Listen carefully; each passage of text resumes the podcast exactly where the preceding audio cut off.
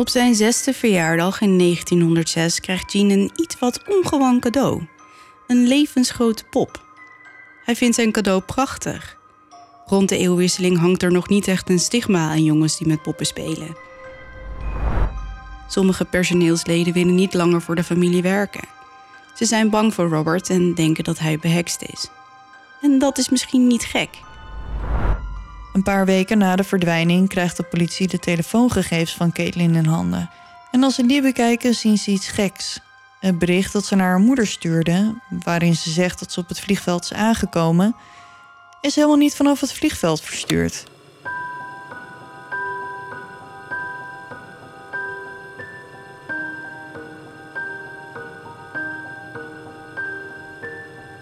Dit is Duister. Podcast waarin je wordt meegenomen naar het onbekende, het onbegrijpelijke. Zwarte bladzijden van de geschiedenis komen voorbij. Hier hoor je de verhalen achter moord, doodslag en onverklaarbare gebeurtenissen. We kruipen in de hoofden van een serie moordenaars, heksen, mythische wezens. Luister. En huiver naar duister. Welkom bij een nieuwe aflevering. Hallo, lieve duisteraars. Dat klinkt heel vrolijk. Dat zijn we niet, want de zon schijnt. Ja, daar houden we niet van. Nee, dat kan onze duistere Ziel niet. ziel niet hebben. Nee, dan worden we verlicht. Dat kan niet. Nee. Nee, het voelt een beetje alsof er iemand dan met wijwater en een kruis voor mijn neus staat. Beetje zo'n gevoel. Nee, weet je waar ik, waar ik gewoon... Ik kan nog wel tegen de warmte. Ik kan alleen niet tegen de hoeveelheid licht. Heb jij daar ook last van? Ja, Gewoon dat dit... En helemaal met de zomertijd, daar zit ik altijd zo tegenop. Want dan gaat die echt pas om 11 uur. 9 uur of zo onder of later, half tien. En dan, en dan die, die hoeveelheid aan licht de hele dag door. Ja, wat mij betreft moet het gewoon altijd om negen uur donker zijn. Ja, Ik bedoel, ik vind het helemaal niet erg dat mensen die gewoon een kantoorbaan hebben na hun werk nog een paar uurtjes zon hebben. Maar om negen uur, half tien moet het gewoon pikdonker zijn. precies. Maar helaas, dat gaat niet gebeuren. En dan moeten we naar een ander land verhuizen. Ehm, maar nee. Maar, het, het, het wordt zomer en lente. En we, zit, ja, we kunnen er niet onderuit. Nee, helaas. Tijd voor verduisterende gordijnen. Ja, dat is een hele goede inderdaad. Mhm. Nou, door naar iets vrolijkers dan. We gaan de winnaar van de weggeefactie bekendmaken. Ja, van In het Duister van Zeker. Tamara Arts. Die hebben we natuurlijk, die mochten we weggeven. En het is tijd. Voor het rad van van, Fortuin. ik weet niet wat jij wilde gaan zeggen. Ja, maar ik dacht, ik haak even in. Bijna hetzelfde. Ik eh, pak hem er even bij. oké, Ik heb alle namen. Ik ben weer drie uur eh, bezig geweest om jullie er allemaal in te zetten. Ehm, zijn we er klaar voor? Ja, Daar gaat hij. drumroll please.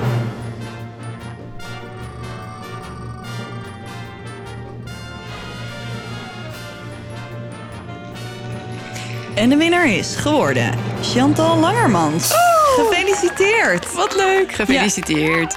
We zorgen dat hij naar je toe komt. Wij sturen jou een berichtje. En dan eh, gaan we zorgen dat hij eh, zo snel mogelijk bij je in de bus ligt. Ja, en laat ons even weten wat je ervan vindt. Hè? Ja, Want dat... dat, vinden we altijd heel erg leuk. precies. Ik denk dat het tijd is om te gaan beginnen. Ja, jouw beurt. Ja, spannend. Ben je er klaar voor? Zeker. Oké, gaan we.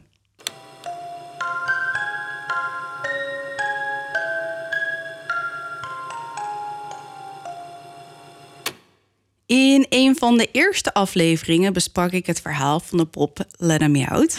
Gevonden door een man onder de vloerbanken van een verlaten huis. We hebben heel vaak de vraag gekregen of ik misschien nog eens zo'n verhaal wilde doen. Mag ik raden? Ja. Is het Robert? Nou, mijn volgende zin zou zijn. Dus toen ik even niet wist wat ik voor deze aflevering wilde doen, eh, bedacht ik me dat ik nog een belofte heb in te lossen, namelijk die van Robert de de Dol.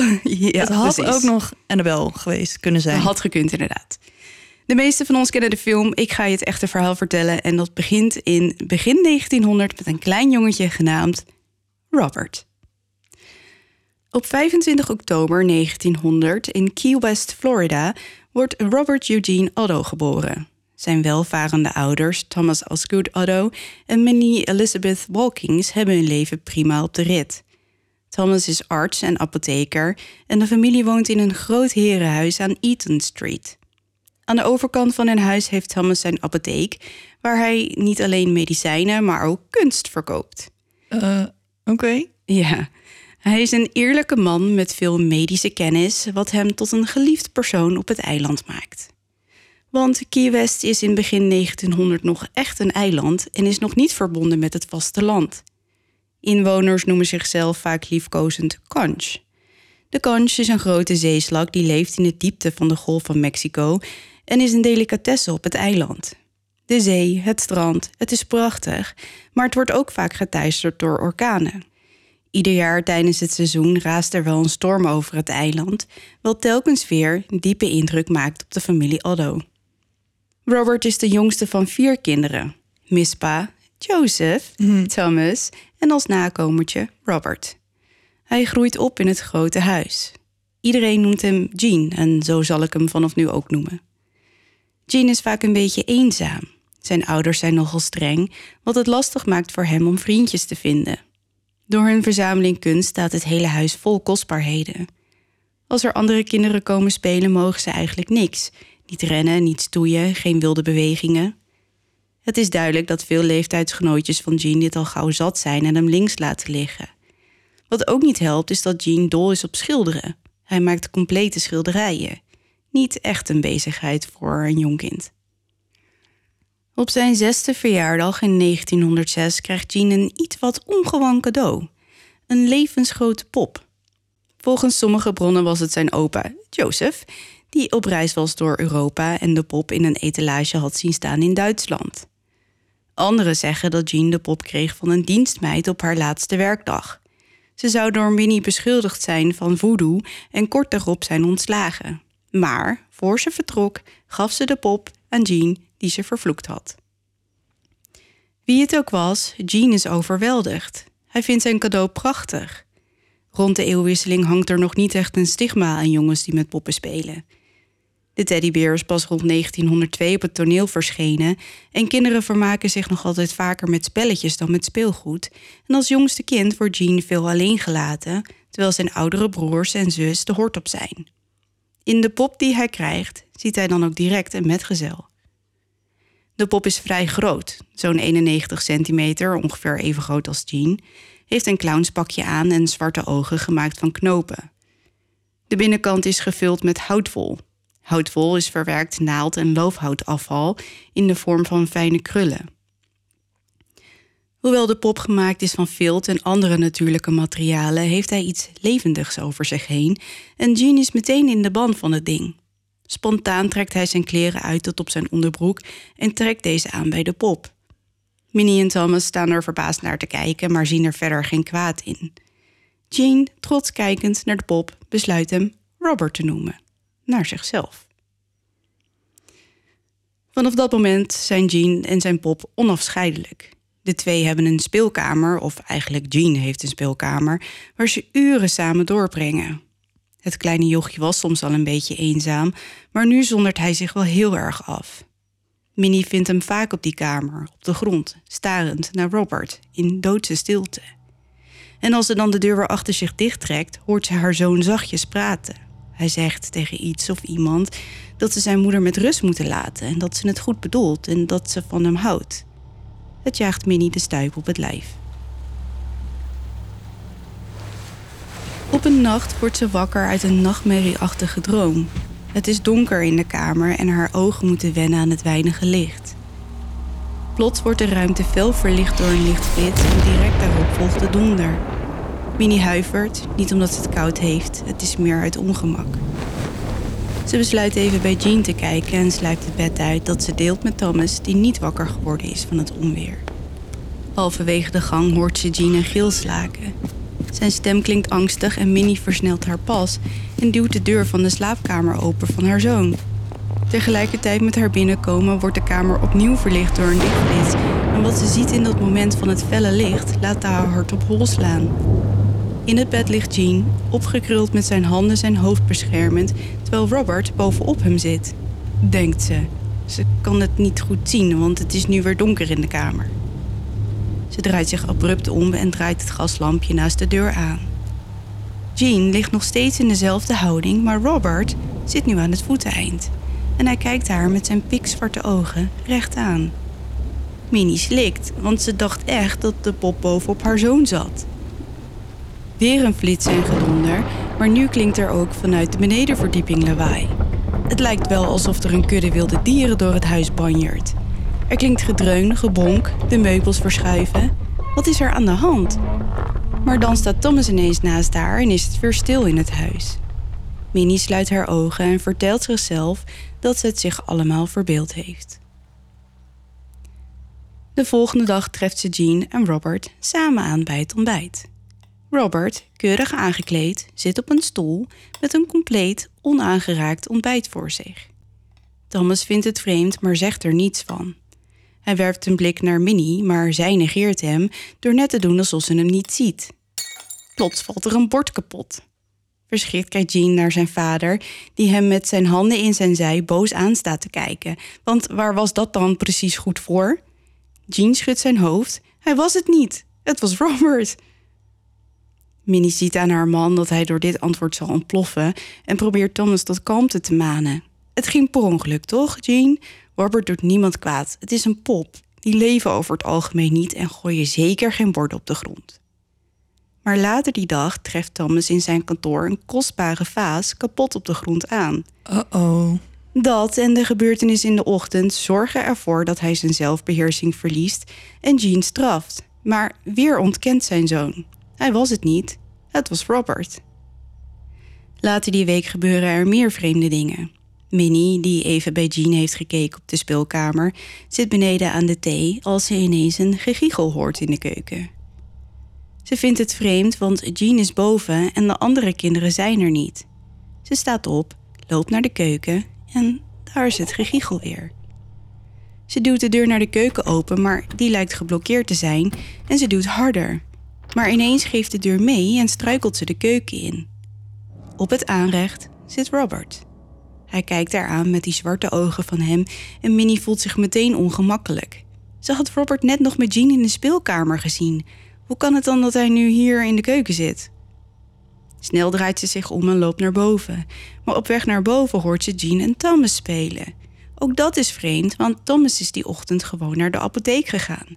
Ze had het toch wel geweten als hij thuis was gekomen?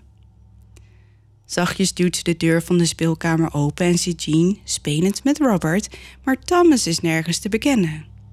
Er daalt een paniekerig gevoel over Minnie neer. Wat is er toch met haar aan de hand? Ze heeft het gevoel dat ze gek wordt. Maar niet alleen Minnie denkt dat haar geest aan het afglijden is, ook het personeel heeft last van hetzelfde gevoel. Ze horen geklop op de muren, het geluid van rennende kindervoetjes en gegiegel.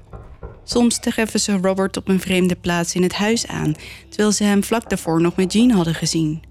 Het lijkt wel of die pop zichzelf kan verplaatsen of zo. Sommige personeelsleden willen niet langer voor de familie werken. Ze zijn bang voor Robert en denken dat hij behekst is. En dat is misschien niet gek. Veel van het personeel is van Bahaamse afkomst, waar voodoo in begin 1900 nog een sterk geloof is. Het is meegebracht door Afrikaanse slaven in de 17e eeuw. Degenen die wel voor de familie Otto blijven werken, ervaren steeds meer vreemde dingen in het grote huis aan Eaton Street. Er zijn geen documentaties bekend. Alles wat wij weten komt uit de familiedagboeken. Daarin staat dat er vaak vreemde geluiden gehoord worden. Ook stemmen van familieleden die op dat moment niet thuis zijn, zorgen voor bizarre situaties. De lampen aan het plafond schommelen en er klinkt geschuif en gebonk vanaf zolder. Een plek waar Jean zich steeds vaker lijkt te verstoppen. Op een dag, wanneer de nanny van Jean haar spullen pakt omdat iets haar de stuip op het lijf heeft gejaagd door de zoveelste bizarre gebeurtenis, barst de bom voor Thomas. Hij is het zat. Nee, hij is zijn zoon zat. De jongen zorgt alleen maar voor problemen, jaagt al het personeel weg, sloopt al zijn speelgoed en lijkt gewoonweg onhandelbaar. De jongen verdient een zwaardere straf en het enige wat Thomas kan bedenken is het afpakken van zijn dierbaarste bezit: Robert. Thomas besluit de pop op te bergen in een kist, wat leidt tot een hysterische Jean. De jongen is door het dolle heen en schreeuwt de longen uit zijn lijf. Robert mag niet opgeborgen worden, want dan wordt hij kwaad. Thomas schreeuwt op zijn beurt dat het eens klaar moet zijn met dit gedoe. Robert is een pop, gemaakt van stof, hij is niet echt. Maar Jean komt met een onheilspellend antwoord. Robert is wel echt. Hij leeft. En terwijl Thomas op zolder de kist waar hij Robert heeft ingelegd dichttimmert, schiet zijn zoon in een soort katatonische toestand. De jongen reageert nergens meer op, ligt in bed en wil niet eten of drinken. Minnie's hart breekt bijna bij de aanblik van haar zoon en smeekt haar man om Robert weer van zolder te halen. Maar Thomas weigert echter en doet niks. Hij is arts en weet heus wel dat de situatie niet levensbedreigend is.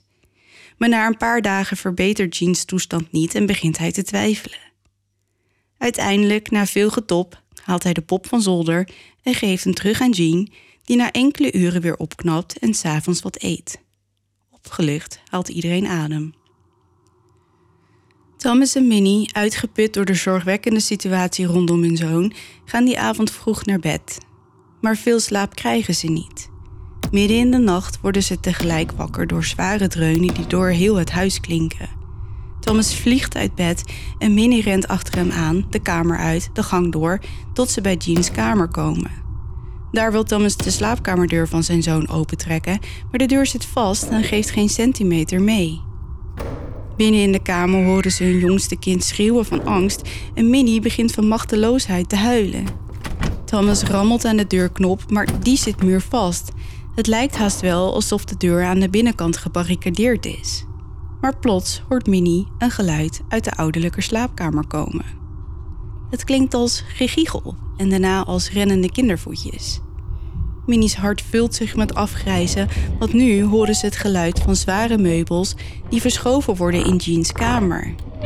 Thomas besluit de deur in te trappen, maar die geeft nog steeds niet mee. Een tweede keer schopt hij en de deur kraakt. Een aanloop en een derde schop en nu klapt de deur uit zijn sponning met een enorme dreun. Op het bed zit Jean.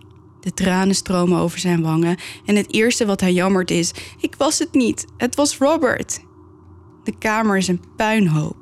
Alles is overhoop getrokken: het bureau, de zware kast, de stoel, het speelgoed. Minnie kijkt de kamer door en krijgt dan een rol beroerd als er Robert zit. Die zit op een schommelstoel in de hoek van de kamer en die stoel schommelt uit zichzelf. Minnie grijpt Jean, sleurt hem uit bed en rent dan naar haar slaapkamer. Ze besluit dat Jean voor zijn eigen veiligheid voorlopig bij haar en Thomas zal slapen. Maar in de dagen die volgen gaat de situatie in het huis van kwaad tot erger. Helemaal wanneer Jean naar school is, Thomas in de apotheek en Minnie alleen thuis. Ze hoort vaak geluiden op de bovenverdieping. Gegiegel, kindervoetjes. Telkens wanneer ze gaat kijken, vindt ze Robert in een andere kamer dan waar ze hem voor het laatst zag. Het maakt haar doodsbang. Ze hoort gebonk, er slaan deuren voor haar neus dicht en al het eten in huis bederft zonder aantoonbare reden. Ook zien voorbijgangers van het huis aan Eaton Street Robert vaak voor een raam op de eerste verdieping staan. Niemand heeft hem daar echter neergezet. Hij lijkt dan op de mensen op straat neer te kijken en hij volgt hen met zijn ogen. Sommige mensen zijn zo bang voor hem dat ze niet langer langs het huis durven te lopen. En ook familie komt liever niet meer op bezoek bij Thomas en Minnie. En als ze wel komen, worden ze s'nachts geteisterd door nachtmerries. Over Robert. Jarenlang wordt de familie geterroriseerd door de pop. Maar zolang niemand Robert van Jean scheidt, lijkt de situatie houdbaar. Totdat Jean oud genoeg is om te gaan studeren. Hij verlaat het huis om naar New York en later Parijs te gaan om daar een kunstopleiding te gaan volgen. Minnie houdt zich sterk tot ze haar zoon uitgezwaaid heeft, maar zodra ze weer het huis inloopt, kan ze maar aan één ding denken. Wat gaat Robert doen? De jaren dat Jean in Europa zit zijn voor Minnie slopend. Thomas is onlangs overleden en ze staat er alleen voor. Robert lijkt haar als pispaal te hebben gevonden en Minnie kan het gevoel dat Bob het haar kwalijk neemt dat Jean weg is, niet van zich afschudden. Ze voelt Roberts ogen door het hele huis, hoort hem vaak riegelen of in Jeans kamer rondlopen en dat terwijl ze hem opnieuw in een kist heeft opgeborgen. Soms staat hij ineens voor haar neus en ziet ze hem bewegen of zijn gezichtsuitdrukking veranderen. Maar hoezo heeft Jean hem niet gewoon meegenomen? Want ze hebben blijkbaar een hele bijzondere band. Uh, ja, maar ik vertelde je net dat Thomas overleden is. En die was eigenlijk vlak voor zijn dood al vrij duidelijk over de relatie tussen zijn zoon Moest en de maar zo afgelopen zijn. Ja, en dat hij daar echt niet mee eens was. En eh Jean ging natuurlijk studeren. Mhm. Dus ik denk dat het voor zijn gevoel misschien ook wel Het moment was om... Ja. eh, tijd was om afscheid te nemen van zijn jeugdliefde. ja, maar had hij hem dan niet gewoon, weet ik veel, een ander kind kunnen geven? Zo van hier. Nee, want ik denk dat de band daar dan toch weer net iets te, sterk voor was. Oké. Ja, precies. We gaan door. Maar dan keert Jean terug naar huis en hij neemt een verrassing mee. Zijn vrouw, Annette Parker. Ze ontmoetten elkaar in Parijs en trouwden in 1930. Minnie, nu oud en afgepeigerd van jarenlange angst en stress, heeft Annette al eerder ontmoet in Londen en verwelkomt de jonge vrouw nu in haar huis, maar geeft een verontrustende waarschuwing. Ga na mijn dood niet in dit huis wonen. Het is alsof ze het voelde aankomen, want niet veel later sterft Minnie aan een hartaanval. Maar het kerstverse echtpaar luistert niet naar Minnie's dringende advies en trekt na haar dood toch in het huis. Het is een prachtig huis, groot genoeg voor een gezinnetje. Waarom zou ze het niet doen? Maar van die beslissing krijgt Annette al snel spijt. Verrassing. Het eerste wat Jean doet zodra ze verhuisd zijn, is naar de zolder lopen, alles overhoop trekken tot hij een oude houten kist vindt. Hij breekt hem open en neemt de inhoud mee naar beneden. Annette weet wel dat haar man vroeger een pop had gehad waar hij echt dol op was geweest, maar nu ze Robert in het echt ziet, bekruipt haar een zeer ongemakkelijk gevoel. Het lijkt wel of de zwarte ogen van de pop recht in de haren kijken, alsof hij leeft. Dat ongemakkelijke gevoel verandert in de weken daarna in pure doodsangst en langzaam begint ze te begrijpen wat Minnie bedoelde. Het ging haar wijle schoonmoeder niet om jaloezie wat betreft het huis, het ging om die verdomde pop, dat verschrikkelijke ding, die constant overal opduikt in huis, terwijl ze hem net nog ergens anders had gezien. Het gegiegel, die rennende kindervoetjes, alles jaagt haar de stuipen op het lijf. Maar dat niet alleen, haar echtgenoot lijkt ze kwijt te zijn. Hij heeft alleen nog maar oog voor de pop en negeert haar op de meeste andere dagen. Op een dag besluit ze Robert op zolder op te bergen nadat ze in de ochtend haar man en de pop samen aan de ontbijttafel had aangetroffen. Het is de druppel. Ze trekt dit niet langer. Dat enge ding moet weg en ze hoopt dat Jean dan opmerkt dat zij nog altijd zijn vrouw is en ook in dit huis woont. En ze wil ook gewoon graag een gezinnetje. Maar zolang die pop tussen hen in in bed ligt, Wat? gaat het daar niet van komen. Hij neemt hem mee naar bed? Ja, Oké. mij niet gezien. Nou ja, ik kan nu... Ja? Mm, ik... Oké, ik ga door. Wanneer Jean thuiskomt en Robert niet meteen ziet, komt hij verhaal halen. Annette, van nature een rustige en zorgzame vrouw, verliest compleet haar zelfbeheersing en valt tegen hem uit. Alles wat ze op haar hart heeft, gooit ze op tafel. Maar de reactie die ze verwacht, krijgt ze niet. Jean stormt naar boven en trapt alles kort en klein totdat hij zijn geliefde pop vindt. Het huwelijk tussen Annette en Jean stelt naar die aanvaring niet zoveel meer voor. Kan ik me iets bij voorstellen. Mhm. Jarenlang trekt Jean zich terug in het torenkamertje waar hij het beste licht heeft om te schilderen. Hij vertelt zijn vrouw dat Robert dat wil en dat ze zich er maar bij neer moet leggen. Annette hoort haar man zo nu en dan praten en lachen en de enkele keer dat ze het werk van haar man komt bewonderen, wordt ze weggekeken. Jean is vaak zonder reden agressief tegen haar en hoewel ze het zelf niet wil toegeven, weet ze diep van binnen dat zijn gedrag echt niet door de beugel kan. Iedere keer als ze hem ermee confronteert, krijgt ze hetzelfde antwoord. Hij was het niet. Het was. Robert. Mhm. Het echtpaar groeit ouder, maar liefde is er al lang niet meer. Het is voor Annette dan ook geen grote schok wanneer ze op een mooie dag in juni 1974 haar man Jean dood vindt op zolder met Robert de Bob bovenop hem. Na zijn uitvaart pakt ze haar spullen, schrijft een brief naar familie in Boston dat ze eraan komt, laat een huurovereenkomst opstellen voor het huis aan Eaton Street en vertrekt.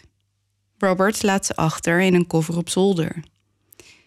In de huurakte staat een strikt bevel: haal de pop nooit van zolder.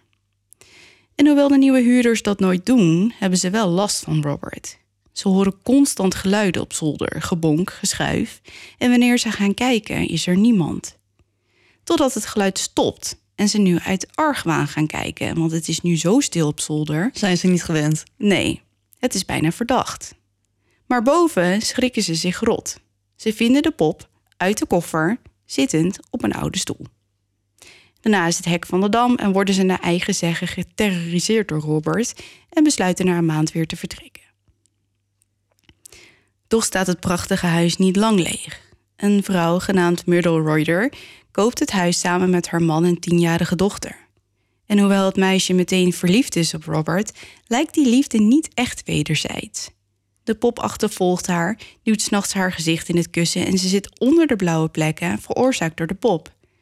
Haar vader is het zat en de geschiedenis herhaalt zich wanneer hij Robert in een koffer stopt en op zolder opbergt. Wanneer gaan mensen hem nou gewoon eens een keer buiten de deur ergens laten? Ja. In plaats van alleen maar de hele tijd op die zolder. Geen Op een gegeven moment, overal water daar. Ze kunnen hem toch laten zwemmen? Nou, Ja, zou je zeggen. bijvoorbeeld. Of, eh, of verbranden. Dat, dat zou je denken. Maar Of goed, dat, onthoofden. Blijkbaar heeft niemand daar eh, Nee. aan gedacht nog.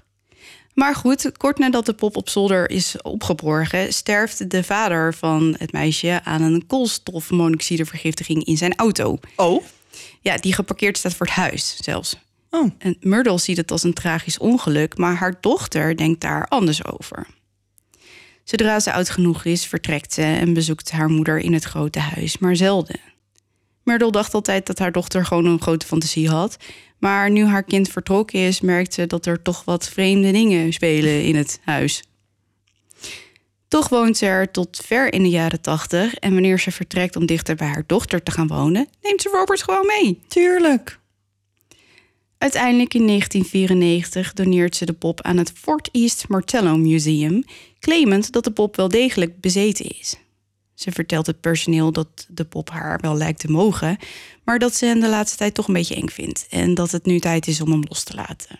En de rara Myrtle sterft een paar maanden later. Eh, wat vreemd. Ja. Robert is nog altijd te vinden in het museum, waar hij in een glazen kist tentoongesteld wordt. Sinds zijn komst zijn er wel wat dingen veranderd. Er worden vaak onverklaarbare geluiden gehoord en bezoekers ervaren een gespannen sfeer in de ruimte bij de pop. En een ander bizar fenomeen is dat Robert een aantal brieven per week ontvangt. Brieven waarin mensen hun excuses aan hem aanbieden. Mhm. Het klinkt een beetje gek, maar iedere brief bevat ongeveer hetzelfde verhaal. Mensen hadden Robert bezocht en misschien een beetje grappig over hem gedaan. En misschien hadden ze ook wel ongevraagd een foto van hem gemaakt. En daar hadden ze nu een beetje spijt van. Want nadat ze thuis waren gekomen, was er niks anders dan tragedie overkomen. Baanverlies, ziektes, ongelukken, depressies, andere Noem maar op, ellende. alleen maar ellende. Ja. En dus schrijven ze hem een ouderwetse brief waarin ze Robert smeken om hen te vergeven. Mhm. Tot slot. Robert blijft de gemoederen dus eh, flink eh, bezighouden. En ehm, nou ja, er zijn genoeg documentaires, boeken of artikelen over hem te vinden. En er werd zelfs een film op hem gebaseerd, Chucky.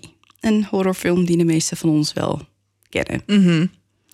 En of de pop echt bezeten is, eh, blijft tot op de dag van vandaag een groot mysterie. Maar ik vond in een boek dat ik las nog een interessante theorie hoe Robert überhaupt bezeten is geraakt. Mhm. De vader van Thomas Otto, dus de opa van, Van Jean, Jean. Had een persoonlijke assistent genaamd William toen hij oud en blind werd, opa dus. Mhm. Na zijn dood nam Thomas William in dienst omdat hij de familie toch al goed kende. Ook Williams vrouw, Emeline, een prachtige zwarte Bahaamse, was een goede bekende van de familie. Want ze paste vaak op de kinderen van de, de familie Addo. Oké. Maar misschien was Emeline een beetje te bekend met de familie. Oh. Ja, hoewel er geen keihard bewijs is dat zegt... Thomas Addo had een affaire met de vrouw van William Emeline... en zij bracht zijn kind ter wereld... is er informatie beschikbaar uit verschillende documenten... die reden geven tot speculatie. De dagboeken van Minnie erkennen dat veel vrouwen wensten... dat ze getrouwd waren met haar dokter. Ze hadden een hekel aan haar omdat ze niet uit een rijke familie kwam... maar wel een voorname arts had getrouwd. Een andere aanwijzing is een brief van een collega-arts van Thomas, waarin een aantal persoonlijke recepten worden uitgeschreven tegen geslachtsziekten. En er is bekend dat Emeline een kind paarde en ook weer verloor ergens tussen 1900 en 1910. En kort na de dood van Thomas een rechtszaak probeerde aan te spannen tegen Minnie, die daarop besloot om buiten het perceel van de familie Otto te worden begraven. Al deze documenten zijn op zijn best indirect, maar er zijn mediums die zeggen dat ze de geest hebben ontmoet die in Robert woont en hebben hem beschreven als een zwart kind met een lichte huid. Dit leidt tot nog meer vragen. Is Robert de geest van een overleden kind tussen Emeline en William, of een kind geboren uit een affaire tussen Emeline en Thomas Otto? Heeft Emeline voodoo gebruikt als een manier om dicht bij haar enige kind te blijven, door zijn geest gevangen in de pop te houden? Wie zal het zeggen? En dan heb ik nog een paar laatste feiten en dan zijn we echt klaar hoor. Het huis aan Eaton Street werd omgedoopt tot de Artist House en is nu een bed and breakfast onder leiding van nieuwe eigenaars Jason en Laurie Barnett. En sommige gasten beweren de geestverschijning van een mooie, elegante oudere vrouw te zien, waarvan gedacht wordt dat het Minnie is, die teruggekeerd is naar haar dood. Om... En nu geniet van de rust. ja, nu wordt het er niet meer is. Nee, om het huis te beschermen. Oké. Um, anderen beweren Robert te zien in een oogwenk, maar als ze beter kijken, dan is hij. Is hij er niet? Nee. En in het huis worden nog altijd vreemde geluiden gehoord, zoals kloppen, bonzen, gegiegel en rennende kindervoetjes. Dus blijkbaar heeft Robert een hele lange arm. Ja. Want hij kan nog altijd terug het Ja, huis misschien is dat terroriseren. gewoon van die, van die achtergebleven energie. Ik denk het. En als laatste. In Key West begrijpen de locals wat je bedoelt met Robert heeft het gedaan. Vooral wanneer je ergens onder vandaan wil lullen als je iets hebt gedaan wat misschien niet zo handig was. Aha. En dat was het echte verhaal van Robert, de Pop. Ja. Ja, ik vind het echt... ehm, ik kende hem al. Ja, de meeste natuurlijk. Ja, en hij is ook een keer bij dat ehm, programma geweest van Zack. Mhm. En dan niet Ghost Adventures, maar Zack in zijn museum. ja. Volgens mij had hij ook een doek over zijn hoofd heen. Omdat je dan, als je, je mag niet naar me kijken. We hebben dat met z'n tweeën zitten kijken, inderdaad. Ja, want hij heeft in, nu toch een soort van- koffer hadden ze hem meegenomen. Ja, en volgens mij heeft hij een soort van verzorgster. ja. Die wel oké met hem is. Dus Maar weet je wat ik ook las? Hij is dus gerestaureerd een Mm. tijd geleden. En eh, ze hebben zijn oor weer vastgezet en eh, weet ik veel wat. Eh, en dat heeft een team gedaan die dan ge, gespecialiseerd is. in- ja, in eh, oude. En ze hebben ook achterhaald waar die uiteindelijk vandaan komt, namelijk uit een fabriek uit Duitsland. En daar is ooit een, een vrouw die maakte popjes en dat groeide uit tot iets groters. En nou, ja, zij heeft dus eh, Robert ontworpen. Ja. Maar goed, die groep wetenschappers, want dat zijn het, die zeggen: ja, ik weet niet wat er allemaal aan de hand is met iedereen, maar wij hebben nergens last van. Oh. Dus nou ja, Misschien zijn het te, te veel wetenschappers. In ja, plaats dat ze van, gewoon niet eh, geloven in. ja. in ja. Ja, ze hadden wel een aantal foto's genomen waar dan, die dan mislukten. Dat vonden ze wel vreemd. mm. En zijn oor was een keer kwijtgeraakt. Oh, Ja, als in ze hadden hem zeg maar achtergelaten voor de nacht. Zo van, nou, gaan we er morgen mee verder. Mhm. En een dag later was dat oor weg. En die vonden ze ergens op een plank achterin de kamer weer terug. oh. Dus dat is wel een beetje vreemd. Maar Ja. zij doen allemaal zo luchtig erover. Ja, maar wind en Ja. ja, maar zus. En Ja, misschien heeft de schoonmaakster hem daar neergelegd. Ja, Ja, hij heeft toch ook zo'n wit matrozenpakje aan met, met een blauw, blauw biesje of zo op zijn Ja, klopt. Ja, dat, dat zijn de kleren van Jean, Jean, geweest. Ik heb een foto waarop je ziet dat Jean dat pakje draagt. Dus dat is misschien wel cool om nog Ja. te kijken. Ja het blijft een eh, bijzondere. Ja, en je kunt Robert natuurlijk bezoeken in het museum. Ja. Zou je dat eh, doen? Nou, ik zat er net over na te denken, want ik dacht eigenlijk dat hij in het museum van Zack eh, zat. En toen dacht ik, dan ga ik hem volgend jaar ontmoeten. Ja. Ja, Oh want ja, ik, want je gaat ik ga naar ja, ja. CrimeCon in Las Vegas. Zack's museum zit daar. Ehm, ik heb Sam overgehaald om 250 dollar entree neer te leggen voor dat museum. Zoveel? Ja, het kost echt, ik weet niet of het 200 Holy maar het kan ook 150, maar echt Doe even super veel geld. Maar ja, als ik er dan toch ben, hè, Ja. dan kan ik ook niet niet gaan. Nee. We kunnen het helaas niet aftrekken van de belasting. Daar heb ik ook nog over nagedacht. Ja, ehm, is wel werk. Ja, ja, Ja. Jij moet alles voor ons eh, bedocumenteren natuurlijk. Daarom. Dus ik ga sowieso naar het museum. Ehm, maar dan zie ik hem daar dus niet. Nou, het- hij af en toe reist, eh, Robert. Want hij wordt ook af en toe op andere plekken tentoongesteld. Dus ehm, ik zal even uitzoeken waar die recent eh, is. Ja, maar dat is natuurlijk vrij makkelijk te vinden. ja. Maar either way, je kunt hem gewoon bezoeken. Maar Ja. ik denk dat ik Even zou bedanken. Ja, dat dacht ik al, ja. Ja. en ik zou zeker geen foto maken. Misschien dat ik vanaf een afstandje zou denken... Hi, Hi. dear Robert, vergeef Ja. mij voor alles wat ik eh, heb gedaan. Ja. Nee, ik, ja, ik weet het niet. Ik hou gewoon, ik vind dat gewoon eng. Goh. Verrassing. Ja. Nou, dat was het verhaal. Ben Ja, jij eh, er klaar voor? Ik ben er zeker klaar voor. Nou, daar gaan we.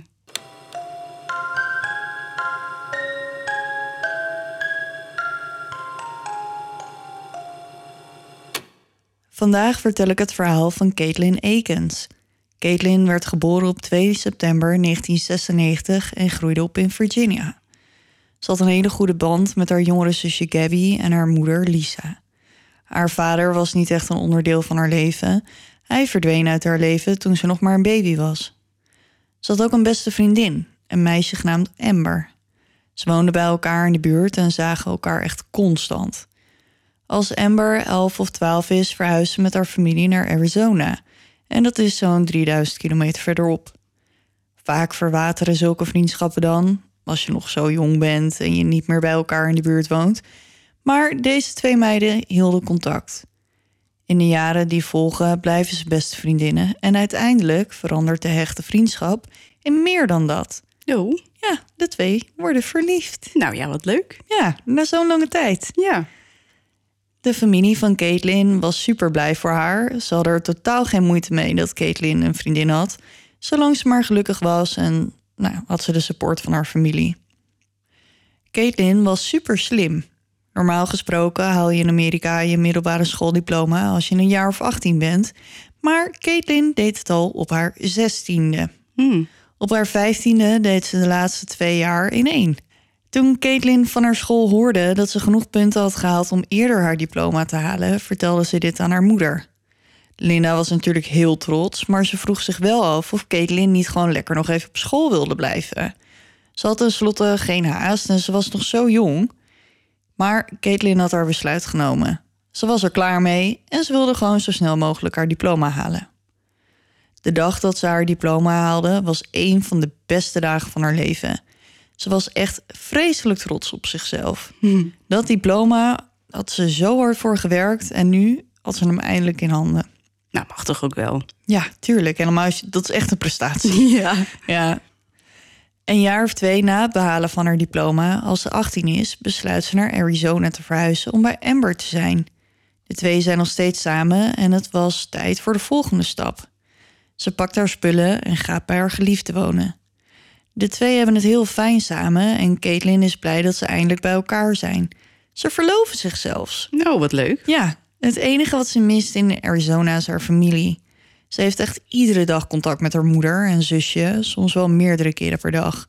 Er gaat dus gewoon echt geen dag voorbij dat ze elkaar niet spreken. En vaak belt ze gewoon ook tien keer per dag als ze, weet ik veel, als de wasmachine het niet doet. Of als ze een brood wil bakken en ze weet niet hoe. Of Ja. als ze een mooie vogel ziet buiten. Dat dus de ze dan familie zit ondanks de afstand helemaal in de inner circle. Ja, dus echt, ze belde echt voor ieder wisselwasje. Nu Caitlin bij Amber in Arizona is, is het tijd voor wat nieuws. Ze wil verder studeren en ze besluit de opleiding cosmetology te gaan doen. En cosmetology bestaat uit verschillende takken binnen de beauty-industrie. Eh, zo krijg je onder andere les in haarstyling, huidverzorging, cosmetica, manicures, pedicures en niet permanente ontharing. En volgens mij heb je hier echt een opleiding tot kapster en een opleiding tot schoonheidsspecialiste. En het zijn allemaal volgens mij aparte opleidingen. Terwijl daar is het gewoon, Een allesomvattende ja, één ding. leiding. En toen ik dat las, dacht ik, ja, past wel bij haar. Ehm Caitlin experimenteerde namelijk altijd met haar haar. Ze had continu verschillende kleuren en kapsels. En ze was sowieso wel creatief met haar uiterlijk. Ze had verschillende piercings in haar lip, in haar neus. En ze heeft haar oren gestretched. Ze is in ieder geval niet bang om zich uit te drukken met haar uiterlijk. Ze heeft ook twee tattoos. Eentje van een paar sterren op haar voet en eentje van vijf vlinders op haar arm. En Ze vond het niet alleen leuk om haar eigen haar te doen, maar deed het ook graag voor anderen. Uh, dus het leek haar een logisch besluit om hiervoor te gaan studeren, zodat ze daar een carrière van kon maken. En ze vond het gewoon leuk om met haar vriendinnen te tutten. En gewoon te zorgen ook dat andere mensen zich goed over zichzelf voelden. Na een paar maanden in Arizona besluit Caitlin op 1 december 2015 haar familie op te zoeken in Virginia. Haar zusje Gabby heeft net een baby gekregen, een jongetje genaamd Landon, en Caitlin kan niet wachten om hem te ontmoeten. Ze moet sowieso naar huis om haar diploma op te halen, zodat ze zich in kan schrijven voor haar nieuwe opleiding, dus ze kan het perfect combineren. Landon is pas twee weken oud als Caitlin hem op komt zoeken en ze is gelijk op slag verliefd. Ze is zo blij dat ze haar neefje eindelijk kan ontmoeten. Ze brengt een paar dagen met haar familie door en ze is super blij om iedereen weer te zien. Op vrijdag heeft ze afgesproken met twee oude vrienden, een man en een vrouw die ze nog van school kent. De twee zijn in de tussentijd een stelletje geworden en ze besluiten een klein feestje te bouwen om hun weerzien te vieren. Ze drinken een paar drankjes en feesten tot in de vroege uurtjes. Zaterdagochtend maken ze een wandeling met de hond en daarna brengen de vrienden haar naar huis. Het is nu 5 december, de dag dat Caitlin weer naar huis vliegt. Ze zou eigenlijk langer blijven, maar omdat haar nieuwe opleiding op maandag de 7e begint, moet ze eerder naar huis. Ze neemt afscheid van haar nieuwe neefje en haar zusje. En volgens iedereen was Caitlin haar vrolijke zelf. Er leek helemaal niets aan de hand te zijn. Ze pakt haar diploma in, want zonder dat diploma mag ze niet aan haar nieuwe opleiding beginnen. In de dagen daarvoor bleef ze maar tegen haar moeder zeggen dat ze hem echt niet mocht vergeten en dat ze haar moest helpen herinneren om hem in te Mm. pakken. Caitlin's vlucht zou die middag om tien over half zes vertrekken vanaf Ronald Reagan National Airport in Arlington, dat is in Washington. Lisa moest werken die dag, dus zij kon Caitlin niet naar het vliegveld brengen. Daarom had ze haar ex-man en Caitlin's ex-stiefvader, James Brenton, gevraagd om haar naar het vliegveld te brengen. Lisa en James trouwden toen Caitlin zeven was en gingen een aantal jaar daarna uit elkaar. Lisa en James waren nog steeds goede vrienden en James was een vaderfiguur voor Caitlin en haar zusje. Caitlin keek er naar uit om weer wat tijd met hem door te brengen voordat ze weer naar Arizona zou vliegen, aangezien ze de dagen ervoor geen kans hadden gezien elkaar te ontmoeten. De regeling was dus eigenlijk perfect zo. Lisa zette Caitlin af bij het huis van James in Spotsylvania County. Spotsylvania. Ja, ik vind het zo'n leuke naam. Klinkt natuurlijk als Pennsylvania. Ja, of Transylvania. Als Spotify. Bijvoorbeeld. Ja, Keuzesreuzen. Eenmaal bij James kletsen de drie even kort met elkaar en dan moet Lisa gaan rijden omdat ze anders te laat op haar werk is. Eenmaal met z'n tweeën hebben de tweede kans om bij te kletsen. James vraagt Caitlin naar haar nieuwe opleiding, hoe Arizona is, hoe het met Amber gaat en alles lijkt compleet normaal. James moet ook werken die dag. Hij werkt voor een verzekeringsbedrijf en moest om drie uur beginnen. Hij kan Caitlin dus wel naar het vliegveld brengen, maar ze zouden wel een paar uur op het vliegveld moeten wachten. Dit vond Caitlin geen probleem. Ze was al lang blij dat iemand er kon brengen. Het vliegveld is zo'n 128 kilometer verderop, dus ze hebben nog best een behoorlijke rit voor de boeg. James moet natuurlijk ook nog een stuk terugrijden, dus zijn plan was om Caitlin rond een uur of één op het vliegveld af te zetten. Alleen komt Caitlin daar nooit aan. Ik heb nu even een soort van tijdlijn aan de hand van berichtjes die er verstuurd worden nadat James Caitlin heeft weggebracht. Om vier voor twaalf stuurt Caitlin Amber een berichtje. Er is iets tussen gekomen. Ik kom vandaag niet naar huis. Ik laat het je weten als ik een nieuwe vlucht heb. In een berichtje daarna stuurt ze: Ik kan voorlopig even niet appen. James stuurt Lisa een berichtje om haar te vertellen dat hij Caitlin heeft afgezet. Lisa bedankt hem en vraagt hoe het op de weg was. James antwoordt dat het niet al te slecht was. Om acht voor twee krijgt Lisa nog een berichtje van James. Hierin zegt hij dat hij Caitlin heeft afgezeld bij het Springfield Mall Metro Station. En dat is best gek, aangezien hij net nog zegt dat hij haar bij het vliegveld heeft afgezet. Om twee uur, acht minuten na het berichtje van James, krijgt Lisa een berichtje van Caitlin met het volgende. Ik ben op het vliegveld. Batterij is bijna leeg, dus ik kan even niet appen. Ondertussen heeft Amber Lisa een berichtje gestuurd... omdat ze een berichtje van Caitlin zo vreemd vond. Ze weet alleen dat er iets aan de hand is met de vlucht van Caitlin... maar verder niets, dus ze vraagt of Lisa misschien meer weet. Het is niets voor Caitlin om zo weinig informatie te geven. Lisa weet ook niet waarom Caitlin niet naar huis zou kunnen vliegen... en ze weet ook dat de vlucht die Caitlin naar Arizona zou nemen... gelijk de laatste is van die dag... Als Caitlin een nieuwe vlucht zou nemen, dan zou dat dus pas de volgende dag kunnen. Lisa stuurt Caitlin een berichtje om te vragen of alles oké is, maar ze krijgt geen antwoord. Oké, even terug naar het berichtje van James. Volgens hem wilde Caitlin niet uren op het vliegveld zitten wachten. Dus had ze hem gevraagd om haar bij het winkelcentrum af uh, te zetten. En dan zou ze daarna de metro naar het vliegveld nemen en nog een paar uur winkelend doorbrengen. Dit zit Lisa niet lekker. Volgens haar is Caitlin niet met de metro geweest sinds ze zes of zeven was. En ze is ervan overtuigd dat Caitlin niet weet hoe de metro werkt en dat ze die dus ook nooit zou nemen.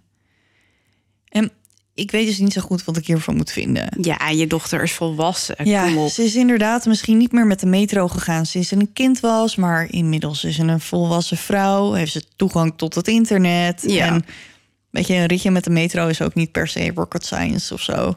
Nee. En ze is ook in haar eentje naar een andere staat verhuisd. Ja, En daar was weet ze ook goed vol- hoe je een vliegticket koopt en dat soort ja, dingen. dus daar En- was ze ook volwassen genoeg voor. Dus waarom zou ze dan niet met de metro kunnen? En ik kan het mis hebben, maar het lijkt me dat het vliegveld zeg maar ook wel een soort van belangrijk station op die lijn is. Dus ik kan me niet voorstellen dat het ook niet duidelijk staat aangegeven dat als je naar het vliegveld wil, dat je dan en neem aan dat ze ook gewoon iemand van het personeel kan vragen hoe het werkt. Dat lijkt me ook. Dus ik snap wel wat ze zegt. Ja, maar het zit de Maar moeder het- denk ik gewoon eerder niet lekker dat er niks gehoord wordt Ja, dan dat ze de lichten gaan uit. Dat klopt, maar dat is geen spoken. dat is gewoon een automatisch gebeuren als de zon ondergaat. Oké.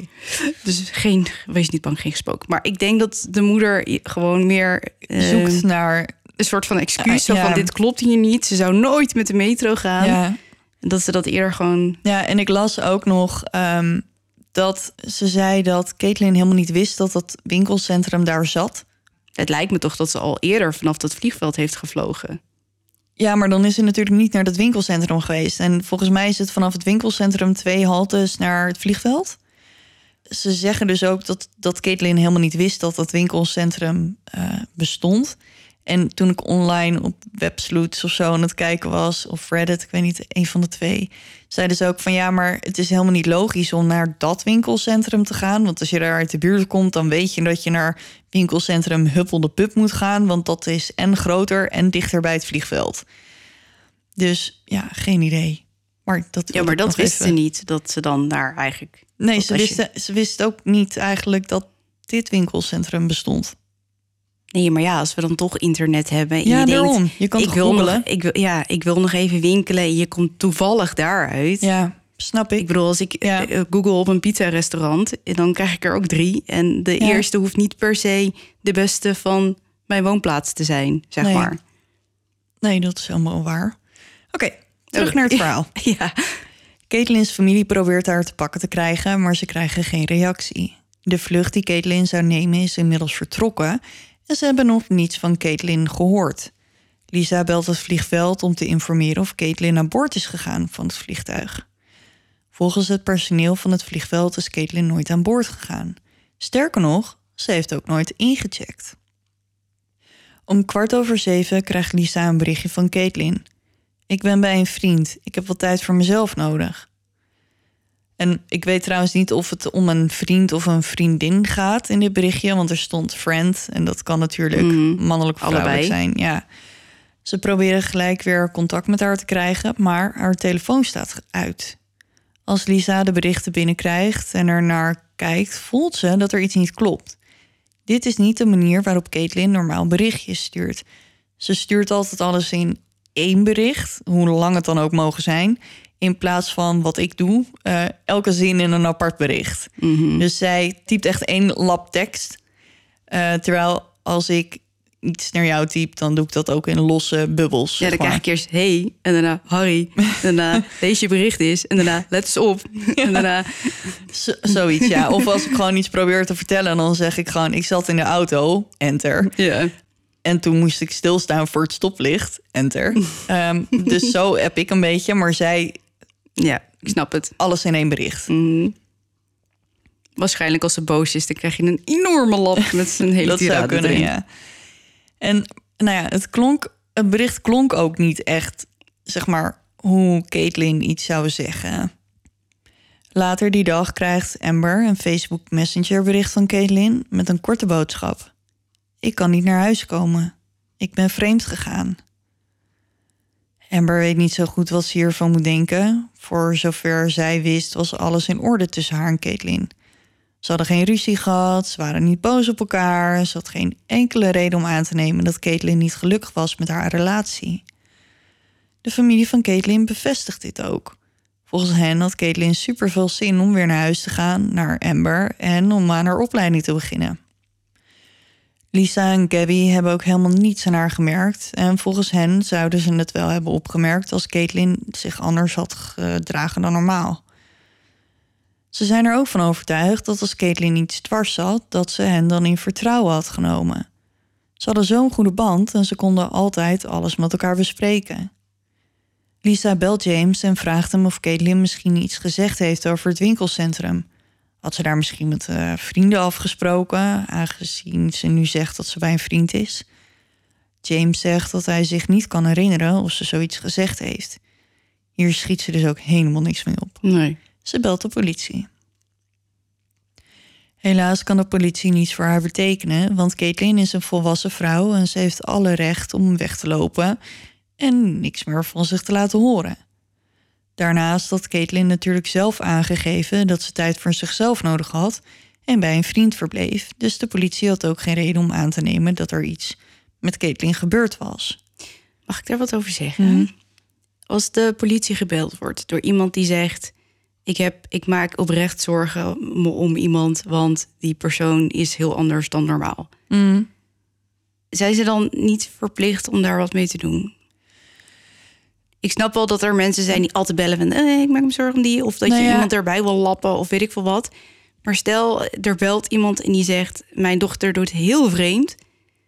Dan gebeurt er niks. Ja, dat durf ik niet te zeggen, maar het komt vooral zeg maar door de in dit geval omdat ze en volwassen is en ze hebben het berichtje waarin ze vanaf haar eigen telefoon zegt dat ze alleen wil zijn en bij een vriend is. Dus in dat geval kunnen ze gewoon kunnen ze gewoon niet zo heel veel. Ze kunnen toch ook... Oh nee, want ik, hmm. ik wilde zeggen zo'n huischeck. Ja, Dan- zo'n welfare check, maar dat, maar dat dan kan je, niet. dan want je, je dan moet je weten waar ze zijn. Ja, precies. ja, en in principe heeft iedere volwassene gewoon het recht om spullen te pakken en weg te gaan. En te Ja, verdwijnen. dat is ook wel zo. Maar ik kan me zo... Ik vind het... Kijk, die moeder, en we weten allemaal hoe dit afloopt... die heeft gewoon gelijk. Ja, Die belt en die zegt, ik maak Ja. me zorgen. Mhm. En dan gebeurt er niks. Ja. Ja, maar later gaat Lisa naar het politiebureau in Spotsylvania County en geeft Caitlin alsnog op als vermist.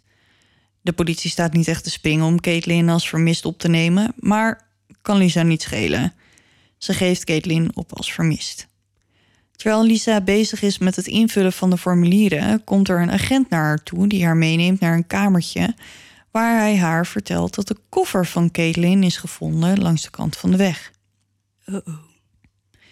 De koffer werd gevonden in een greppel naast River Road, vlakbij Fredericksburg. Ongeveer 71 kilometer bij het Springfield metrostation vandaan. En een paar kilometer bij haar huis vandaan. Oh. Het leek erop dat de koffer uit een rijdende auto was gegooid. Volgens regisseur Bob Marshall ontbrak er een wiel aan de rolkoffer en hij zat onder de krassen. Volgens hem wees dat erop dat de koffer op hoge snelheid op de grond terecht was gekomen.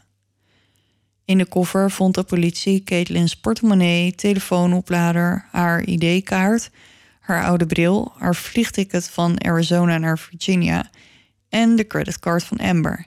En haar diploma. Haar kleding, telefoon en diploma ontbreken. Oh, die had ik niet verwacht. Nee, ik ook niet. Nu de koffer ontdekt is, begint de politie Caitlin's verdwijning eindelijk serieuzer te nemen. Ze ondervragen Caitlin's familie en vrienden en ook James wordt ondervraagd. Hij is tenslotte de laatste die Caitlin heeft gezien.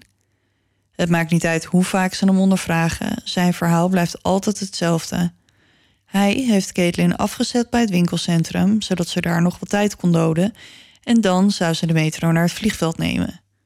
Nadat hij haar heeft afgezet, rijdt hij terug naar huis om naar zijn werk te gaan. Twee dagen na het begin van het onderzoek komt er een bericht bij de politie binnen. Er is in een greppel een lichaam gevonden. Als de familie van Caitlin dit hoort, draait hun maag zich om. Zou het Caitlin zijn? Het is niet alsof er elke dag dode mensen worden gevonden waar zij wonen, dus de kans dat het iemand anders is, is niet zo heel groot. In hun hoofd is het 1 plus 1 is dus 2. Ja. En nou ja, geef ze dus ongelijk. Al snel blijkt dat het niet om Caitlin gaat. Het lichaam dat is gevonden is van de 21-jarige Heather Chicone. De politie probeert de twee zaken elkaar te linken, maar ze concluderen al snel dat de twee zaken niets met elkaar te maken hebben. Ze onderzoeken of Caitlin en Heather elkaar misschien gekend hebben of ze gemeenschappelijke vrienden hebben, maar alles loopt op niets uit. De familie is uiteraard opgelucht dat het Caitlin niet is, maar aan de andere kant weten ze nu nog steeds niets. Later komt de politie er trouwens achter dat Heather is vermoord door twee mannen en dat ze gestalkt werd door een vrouw. Dus dat was meer een soort van relationele Sfeer. sfeer, driehoek. Ehm, maar ik snap wel dat ze in de eerste insta- instantie dachten dat het Caitlin was, want eh, dit meisje had bijvoorbeeld ook tattoos en ehm, Maar dit is toch ook bizar? ja, ja, dat gebeurt daar dus helemaal niet zoveel. Nee. Nee, kijk, als je nou Als echt in een grote enge tussen stad... hoop en vrees Ja, als het gaat om je eigen dochter. ja, En dan wordt er een lichaam gevonden. ja, en het duurde echt best wel lang voordat, ehm, voordat deze zaak werd opgelost ook. Oké. Want tijdens het lezen op Reddit en Websleuths en zo kwam heel vaak voorbij van... maar weten we al wie Heather heeft vermoord? Ehm, maar dat heeft echt een tijdje geduurd voordat ze daarachter waren. Na de fonds van Heather gaat de politie verder met het zoeken van Caitlin... en ze doen er nog een schepje bovenop. Ze zijn nu niet meer per se meer op zoek naar een vermist persoon. Ze zoeken een lichaam. Ze zetten een zoekactie op touw en kammen de rivieren, vijvers en meren uit, keken in greppels, doorzochten natuurgebieden. Ze hadden zelfs een helikopter in de lucht met speciale apparatuur die warmte meet. En met zo'n apparaat kan je kijken of er bijvoorbeeld onder bomen en struiken iets is wat warmte afgeeft, zoals bijvoorbeeld een persoon. Mhm. En dat kan dood of levend zijn, want ook als je ehm, aan het ontbinden bent, ben je warmer dan je omgeving. Maar ze vinden geen spoor van Caitlin. Als ze de vrienden en familie van Caitlin ondervragen, komen ook de man en de vrouw in de beurt die Caitlin op de avond voor haar vertrek heeft gezien. Tijdens de ondervraging komt aan het licht dat Caitlin wel degelijk vreemd is gegaan.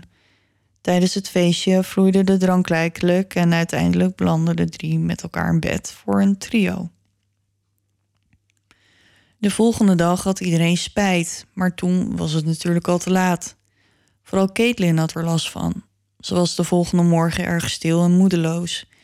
Tijdens de wandeling met de hond was Caitlin zo verdrietig en boos op zichzelf dat de drie besloten dat het beter was als Caitlin naar huis zou gaan. De politie is blij om de informatie te horen en hebben niet het idee dat de twee er iets mee te maken hebben. Ze lijken eerlijk, probeerden niets te verbergen en daarom kon de politie ze niet aanmerken als verdachte. Het gekke is dat haar familie zei dat toen Caitlin thuis kwam, ze gewoon helemaal haar vrolijke zelf was en er leek echt helemaal niks aan de hand. Ze hebben gewoon echt helemaal niks aan haar gemerkt. Hm. De politie besluit een kijkje te nemen in Caitlins Facebook Messenger. Hier vinden ze een berichtje dat Caitlin naar een andere vriend heeft gestuurd in de vroege uurtjes van de zaterdag. Dus nog voordat ze terugging naar het huis van haar moeder. In het bericht stond het volgende: Ik wil hier niet zijn en ik wil daar niet zijn. Waar Caitlin niet wilde zijn, weten we niet. Ze kan het over Arizona en Virginia hebben gehad, maar ook over iets heel anders. De politie kan de mogelijkheid dat Caitlin misschien gewoon is weggelopen nog steeds niet van tafel vegen. Het zou nog steeds gewoon kunnen. Mhm. Een paar weken na de verdwijning krijgt de politie de telefoongegevens van Caitlin in handen. En als ze die bekijken, zien ze iets geks. Het bericht dat ze naar haar moeder stuurde, waarin ze zegt dat ze op het vliegveld is aangekomen, is helemaal niet vanaf het vliegveld verstuurd. Het bericht kwam niet ver bij de plek vandaan waar haar koffer werd gevonden. James heeft natuurlijk bevestigd dat hij Caitlin bij het winkelcentrum heeft afgezet, vlakbij het vliegveld. Maar als dat zo is, hoe kan dan het berichtje uit haar woonplaats komen? De politie bekijkt James ineens met andere ogen.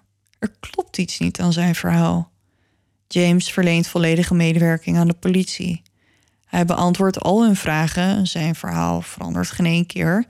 Gewoon een aardige kerel die probeert zijn ex-stiefdochter te vinden. Hij geeft ze een foto van zijn jeep, zodat ze op de bewakingsbeelden van het winkelcentrum op zoek kunnen naar zijn auto.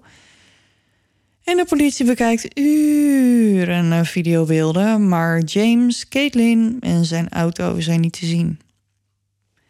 Hij is daar helemaal niet geweest die dag. Om er zeker van te zijn dat ze niets gemist hebben, bekijken ze ook de beelden van de metro en het vliegveld, maar ook daar geen spoor van de jeep of Caitlin.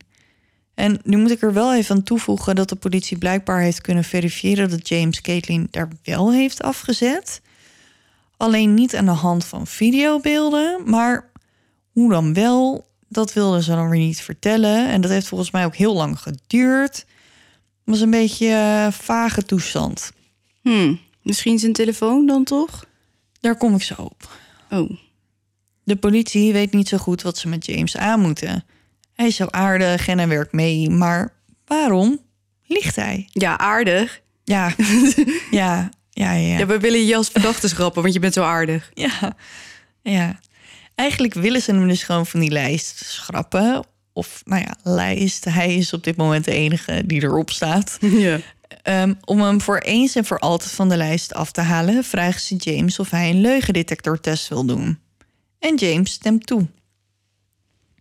Ze plannen de test voor een paar dagen later, net na kerst op 29 december. En dan krijgt de politie een telefoontje. Het is James en hij zegt dat hij afziet van de test. Hij heeft met een advocaat gesproken en heeft besloten de test niet te doen. Tot dat moment heeft hij volledig meegewerkt aan het onderzoek, vrijwillig. Maar nu hij als verdachte behandeld wordt, stopt hij ermee. Hij voelt zich er niet prettig bij. De regisseur aan de telefoon vertelt hem nog dat ze hem niet als verdachte zien, maar dat ze hem gewoon uit willen sluiten. En op dat moment hangt James op. Zo van tuut, tuut, tuut. Maar goed, dat maakt hem in ieder geval niet minder verdacht in de ogen van de politie. Nee. Misschien juist wel een beetje verdacht. Ja, maar voordat ik verder ga, gooi ik hem er nog maar een keer in. Nee, leugendetectors zijn niet betrouwbaar. Nee, de resultaten mogen niet gebruikt worden in een rechtszaak. Het enige wat ze kunnen doen is de politie een idee geven of iemand eerlijk is of niet.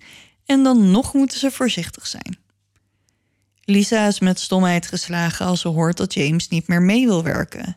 Tot dat moment was het nog niet eens bij haar opgekomen dat hij misschien iets met de verdwijning van haar dochter te maken kon hebben. Ze neemt contact met hem op en ze vraagt hem waarom hij niet meer mee wil werken. Het gaat tenslotte om zijn stiefdochter. Hij vertelt Lisa dat hij alles heeft gedaan wat er in zijn macht ligt om het onderzoek te helpen, maar dat hij er nu klaar mee is. De politie besluit nu de telefoongegevens van James maar eens op te vragen. Als ze deze bekijken, zien ze dat James nog meer leugens heeft verteld. Het bericht dat hij om 8 voor 2 aan Lisa stuurde, waarin hij zegt dat hij Caitlin heeft afgezet op het vliegveld, kwam vanuit zijn eigen huis. Nee. Verrassend. En het is natuurlijk mogelijk dat hij Caitlin heeft afgezet, met een bloedgang terug is gereden en toen Lisa een berichtje heeft gestuurd. Want kan natuurlijk, hè, als je iemand afgezet hebt, dan, dan sta je waarschijnlijk op zo'n, niet op een parkeerplek, maar dan gooi je iemand uit de auto en dan Ja. rij je zelf weer verder en dan Mhm. rij je naar huis. En als je dan thuis bent, denk je, oké, Ik zal nou, even berichten ik zal dat even ik er, berichten eh, dat, het gelukt is. Ja, maar Caitlin's berichtje kwam acht minuten later. Vlakbij James' huis vandaan, zoals we weten van haar telefoongegevens. En als hij een uur gewacht heeft met zijn berichtje aan Lisa, dan zou je toch verwachten dat Caitlin's berichtje eerder zou zijn gekomen? Ja, zo van ik ben er. En dan Ja, hij naar huis rijdt. En dan een uur later stuurt van... Nou, ik heb er afgezet hoor. Ja, want dan is zij natuurlijk een uur eerder al op dat vliegveld aangekomen. Mm. Dus waarom zou zij dan zo lang wachten? En alsof dit allemaal nog niet verdacht genoeg is, uit de gegevens blijkt dat James die dag helemaal zijn huis niet heeft verlaten. Oh. Of tenminste, zijn telefoon was de hele dag thuis. Dus of hij heeft zijn telefoon thuis laten liggen, of hij is inderdaad gewoon de hele dag thuis geweest. James moest werken die dag. De reden waarom hij Caitlin vroeg af moest zetten was omdat hij om drie uur op zijn werk moest zijn. Maar hij kwam helemaal nooit opdagen. Surprise. Niet op de dag dat Caitlin verdween. Hij kwam gewoon helemaal nooit meer terug. Oh. En terwijl iedereen, vrienden, familie, buren, noem maar op, op zoek zijn naar Caitlin, doet James helemaal niets. Haar moeder en zusje proberen haar constant te bellen en te appen. James belt niet één keer, stuurt nooit een berichtje, helemaal niets. Waarom doet hij dan zijn best niet om haar te vinden? Ja, en helemaal als jij blijkbaar de laatste bent die haar hebt gezien. Ja, de politie kan er nu echt niet meer omheen. James begint steeds verdachter te lijken. Er wordt een bevel geregeld en ze doorzoeken zijn huis. Ze nemen van alles in beslag, waaronder zijn computer, zijn telefoon, zijn tablet, eh, al zijn elektronische eh, gadgets. ze doorzoeken zijn auto omdat ze benieuwd zijn of daar misschien sporen van Caitlin te vinden zijn. Maar ze vinden uiteraard helemaal niets. En dat is waar het onderzoek eindigt. De politie heeft geen enkele aanwijzing meer. Of tenminste, ze kunnen niet in de telefoon van James. Deze is versleuteld en James weigert zijn wachtwoord te geven. Maar wacht, ik heb wel eens politie-series gekeken en zo. Ik zal voordat je gaat zeggen, ja, maar dat kunnen ze toch hacken? Nou, dat kunnen nee, nee, ze nee, dus niet hacken. Maar je kan toch, zeg maar, zien waar je vingers als laatst getoetst hebben. Uh-huh. Of welke knoppen er vaak ingedrukt Mhm. zijn. En daardoor... Ik ze- denk dat iemand met een compleet versleutelde telefoon ehm, wel iets meer heeft dan een viercijferige pincode, bijvoorbeeld. Oh. Denk ik zomaar. Ja, ik, ik, ik volgde je wel. Even. Ja, ja, ja, ja, ja. Ja, maar echt de politie en volgens mij heeft de FBI ook nog geprobeerd hem te kraken. Maar dat, ehm, Maar dat moet toch gewoon kunnen, hè? je zou zeggen van wel, maar blijkbaar is hij zo vreselijk versleuteld. Ze, en het is ook niet één app. Ze kunnen gewoon niet in die telefoon. Hmm. En tot op de dag van vandaag weigert hij nog steeds. Omdat, eh, Nou, dan is het wel duidelijk. eh, ja, en wat staat er dan op die telefoon? En waarom wil James dan niet dat met... Kijk, als er nou, weet ik veel, eh 10 gig aan porno op staat. Ja, dat is... heel lullig, maar... Ja, dat is heel lullig. Maar je bent een volwassen kerel. Dus Ja. als jij 10 gig aan porno op je telefoon wil hebben... of weet ik veel, ja, prima. Ik- Wat heb je dan te verbergen? Ik denk dat ik het wel weet. En nu we het toch over die ehm, versleuteling hebben. Het schijnt dat Caitlin ook een versleutelde app gebruikte om mee te appen. Haar zus denkt dat Caitlin via die app misschien contact heeft gehad met een vreemdeling die ze bijvoorbeeld op internet heeft ontmoet. En Gabby denkt dat deze persoon misschien iets met de verdwijning van Caitlin te maken heeft. En ja, Caitlin is tot op de dag van vandaag dus nog niet gevonden. In deze zaak zijn er natuurlijk verschillende theorieën. De eerste, Caitlin heeft zelfmoord gepleegd. Er zijn mensen die denken dat Caitlin misschien haar eigen leven heeft genomen. Er zijn eigenlijk niet echt aanwijzingen voor, maar ik wil hem toch maar even noemen. Hmm. Eh, de reden voor deze theorie is dat Caitlin voor haar verdre- ver- Dwijning. vertrek en verdwijning, ja, vertrek wilde ik zeggen, met zichzelf in de knoop zat doordat ze vreemd gegaan is. Maar als ze dan zelfmoord heeft gepleegd, waar, waar is ze dan? Ja. En hoe, hoe is ze waar vandaan verdwenen? Is ze bij James vandaan? Ja, weet je, is ze wel En hoe komt die dat- koffer dan langs de weg? Ja, Nee, nee, dit is, nee, dit is niet waar. Nee. Eh, de tweede, Caitlin is weggelopen. Eh, omdat haar kleding en diploma niet in haar koffer gevonden werden, zijn er mensen die denken dat ze weggelopen is. Er wordt gedacht dat ze haar diploma heeft meegenomen omdat die makkelijk te vervalsen zou zijn, zodat ze ergens anders met een nieuw leven kon beginnen. En ik zou niet weten hoe ik mijn diploma's moet vervalsen, maar oké, het zou kunnen. Eh, en ja, waarom laat je dan wel je geld achter? En ja, waarom, waarom loop je dan weg?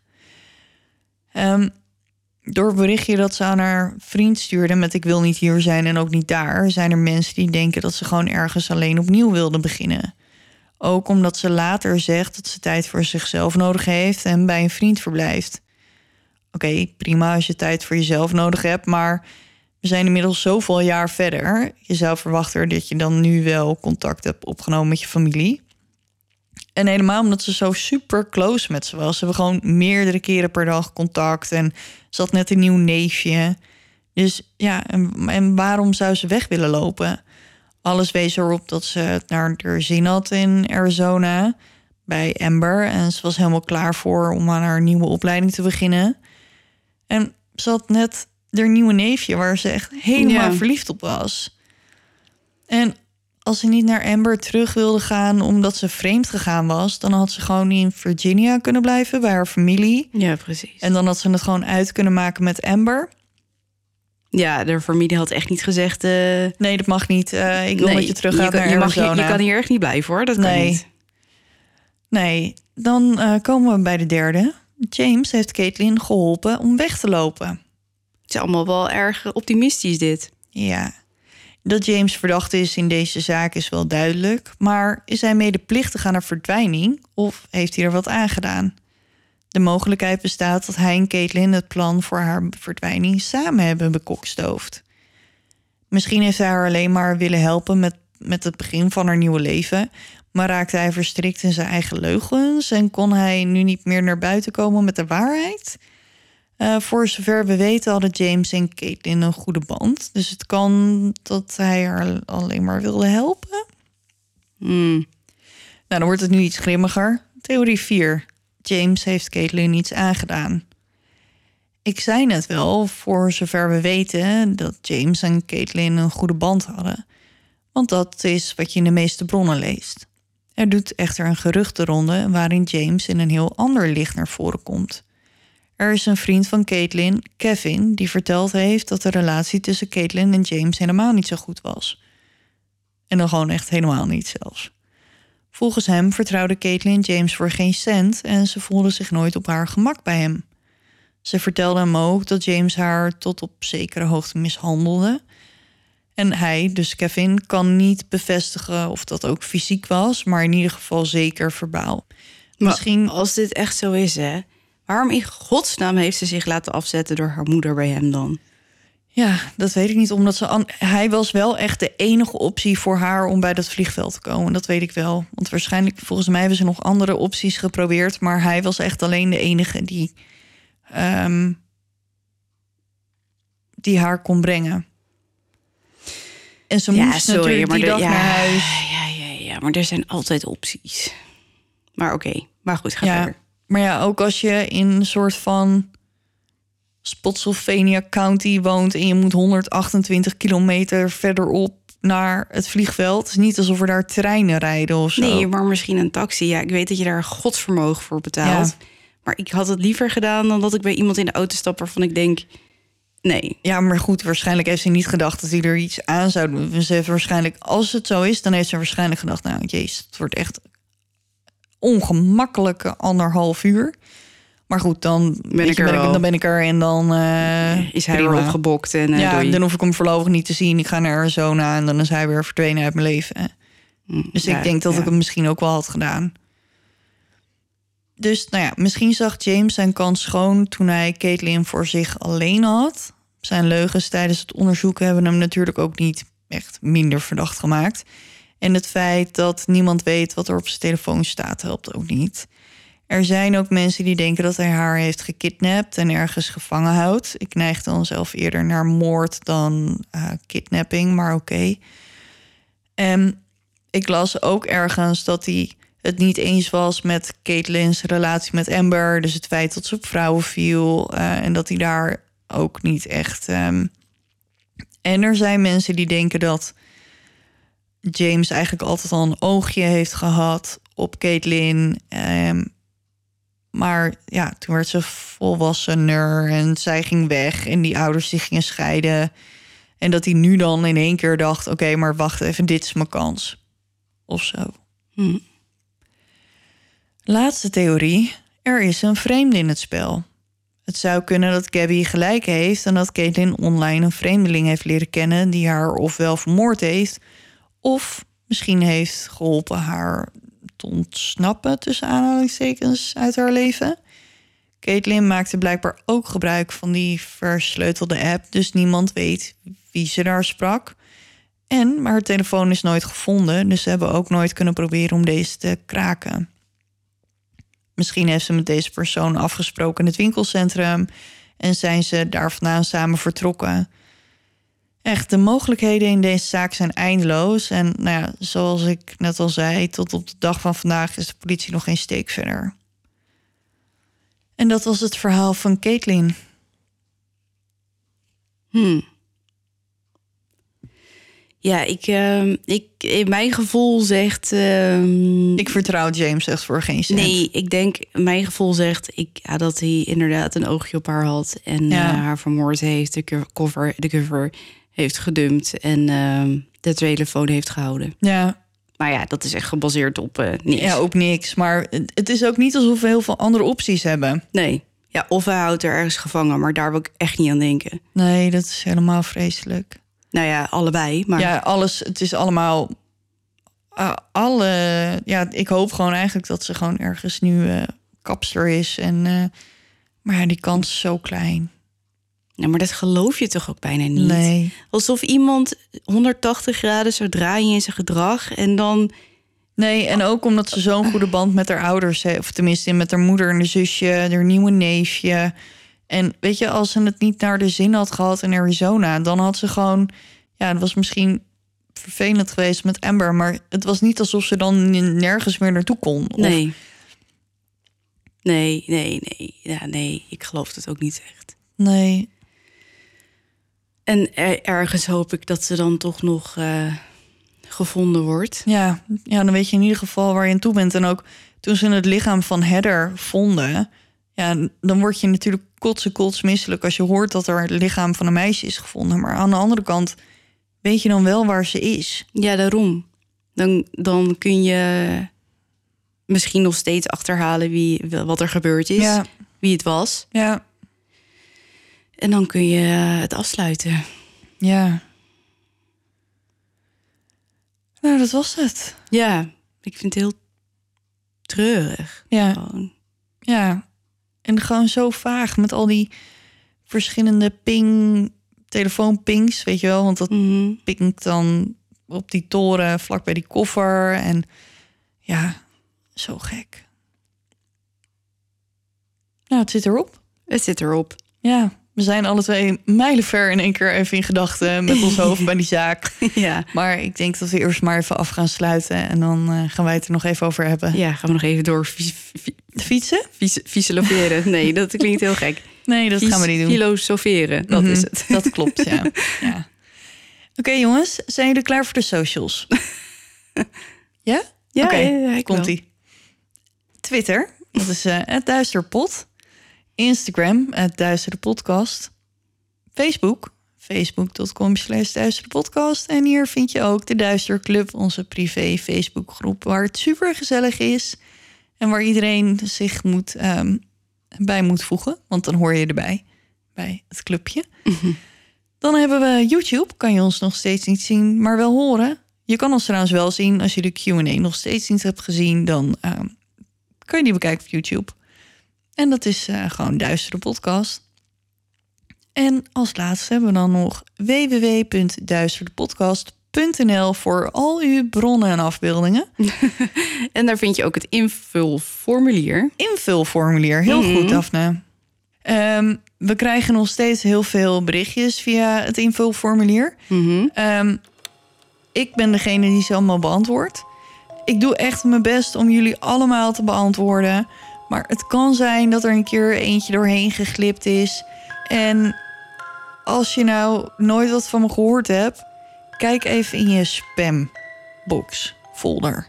Ja, misschien dat hij daar Want het ongeluk terecht is gekomen. Ja, Ja, goed. Ik wil iedereen bedanken voor het luisteren. Ik ben echt vet kapot. Ik ben vanochtend om half vijf begonnen met werken. Ja. Ik ga naar mijn bed. Ehm, nogmaals, eh, dank voor het luisteren. Tot over twee weken, jongens. En eh, onthoud, blijf in het licht. Want je weet nooit wat er in het duister op je wacht. wacht.